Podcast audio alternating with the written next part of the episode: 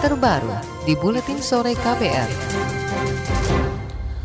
Saudara kuota bahan bakar minyak atau BBM bersubsidi pada tahun ini kembali jebol. Badan Pengatur Hilir Minyak dan Gas Bumi atau BPH Migas mencatat, sampai dengan akhir Desember realisasi penyaluran solar bersubsidi mencapai 16 juta kiloliter atau melampaui jatah sebesar 14,5 juta kiloliter. Hal serupa juga terjadi pada penyaluran premium sebesar 11,5 juta kiloliter atau lebih tinggi 500 ribu kiloliter dari kuota. Kepala BPH Migas M. Fansurullah Asa mengatakan kelebihan sebanyak satu setengah juta solar itu setara dengan 3 triliun rupiah yang harus ditanggung negara. Jebolnya kuota subsidi BBM disebabkan penyalurannya tidak tepat sasaran dan ada banyak penyimpangan. Ini kami sampaikan di depan karena ada catatan-catatan kami bahwa permasalahan yang terjadi masih banyaknya terjadi penyimpangan BBM subsidi ini tidak tepat sasaran, tidak tepat volume, tidak sesuai dengan amanah baik undang-undang migas termasuk di dalam PP maupun Perpres dan tadi. Kepala Badan Pengatur Hilir Minyak dan Gas Bumi atau BPH Migas, Van Surullah Asa mengusulkan agar pemerintah segera merevisi peraturan presiden tentang penyediaan dan pendistribusian BBM. Ia berpendapat perlu ada penyesuaian pada konsumen pengguna BBM bersubsidi, di antaranya kendaraan roda 6 untuk perkebunan dan kereta api angkutan barang, mesti dicoret dari daftar. Ia juga mendorong penerapan digitalisasi di stasiun pengisian bahan bakar umum atau SPBU agar memudahkan pengawasan terhadap pengguna BBM bersubsidi. Menteri Energi dan Sumber Daya Mineral (ESDM) Arifin Tasrif membenarkan terjadinya penyimpangan dalam penyaluran BBM bersubsidi terutama di daerah. Arifin mengaku pernah memergoki sendiri praktik-praktik tersebut. Arifin berjanji bakal menindaklanjuti usulan yang dilontarkan BPH Migas. Mengenai penyimpangan ini, saya sendiri ikut menyaksikan bagaimana praktek-praktek ini itu berjalan, terutama di daerah-daerah. Bagaimana praktek-praktek pengisian itu dilakukan di depan mata, ya di depan SPBU, kemudian mendischarge di seberang jalan, kembali lagi untuk mengambil. Tadi disampaikan oleh Saudara Ketua BPH Migas, ya, usulan-usulan, ya tentu saja saja nanti usulan ini harus kita tindak lanjuti, harus kita bahas. Itu tadi Menteri ESDM Arifin Tasrif. Sementara itu, Saudara PT Pertamina Persero berjanji akan segera merampungkan program digitalisasi SPBU pada tahun depan untuk menekan penyaluran BBM yang salah sasaran. Direktur Utama PT Pertamina, Nike Widiawati menargetkan program digitalisasi tuntas pada triwulan pertama tahun 2020.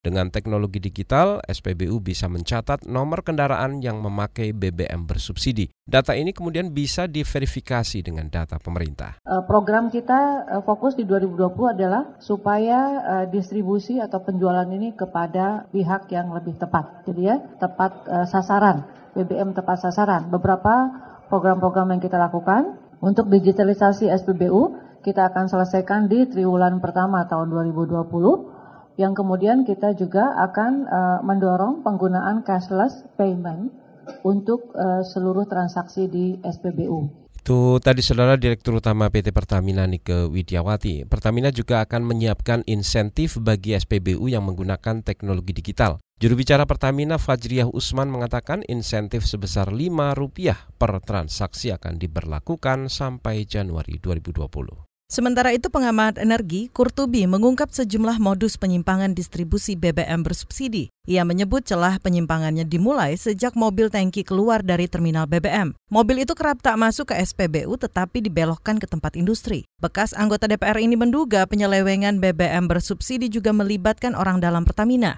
Kurtubi mengatakan kasus kebocoran terbesar terjadi di wilayah-wilayah industri seperti Jakarta, Karawang, dan Bekasi. Ia mengkritik pengawasan pemerintah lantaran tak mampu mencegah berulangnya kasus-kasus tersebut. Pihak migas harus bekerjasama dengan polisian, dengan pejabat-pejabat di daerah, dengan sistem yang lebih canggih lagi, dengan digitalisasi tadi atau dengan di setiap pom bensin dipasangin foto, potret sehingga bisa memotret nomor polisi, jenis mobil yang mengisi BBM bersubsidi.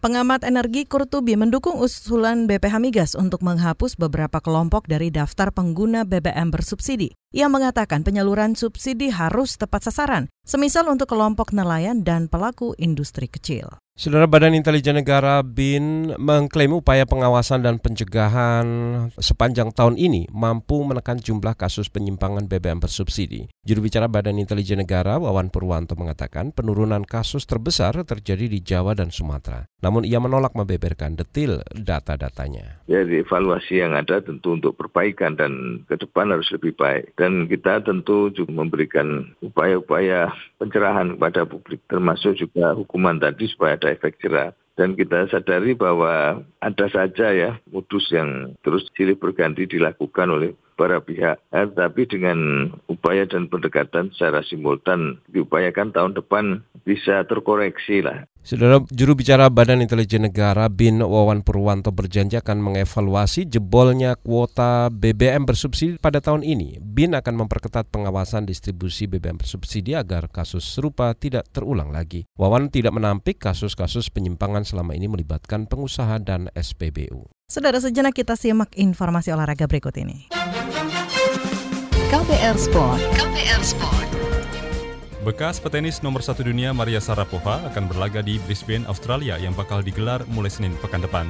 Ia mendapat fasilitas wildcard dari penyelenggara turnamen. Petenis Rusia berusia 32 tahun itu belum pernah bermain sejak kalah di putaran pertama oleh rival abadinya Serena Williams pada US Open Agustus lalu. Sarapova melorot ke posisi 133 dunia setelah musim ini diganggu cedera bahu. Alhasil ia hanya berlaga di 15 pertandingan kompetitif. Di Brisbane, Sarapova pernah meraih juara pada 2015 silam. KPR Sport. Legenda Manchester United, Paul Scholes, memberi nasihat kepada Liverpool untuk bisa menjuarai Liga Inggris musim ini. Liverpool masih memuncaki klasemen sementara unggul 13 poin atas Leicester City. Meski begitu, Scholes mengingatkan agar Jordan Henderson dan kawan-kawan untuk tetap fokus dan tidak lengah. Menurutnya, The Reds harus belajar dari musim lalu. Pada Liga 2018-2019, Liverpool menjadi pemuncak klasemen usai Natal. Namun pada akhir musim, justru skuad Setan Merah yang keluar sebagai juara. KPR Sport. KPR Sport.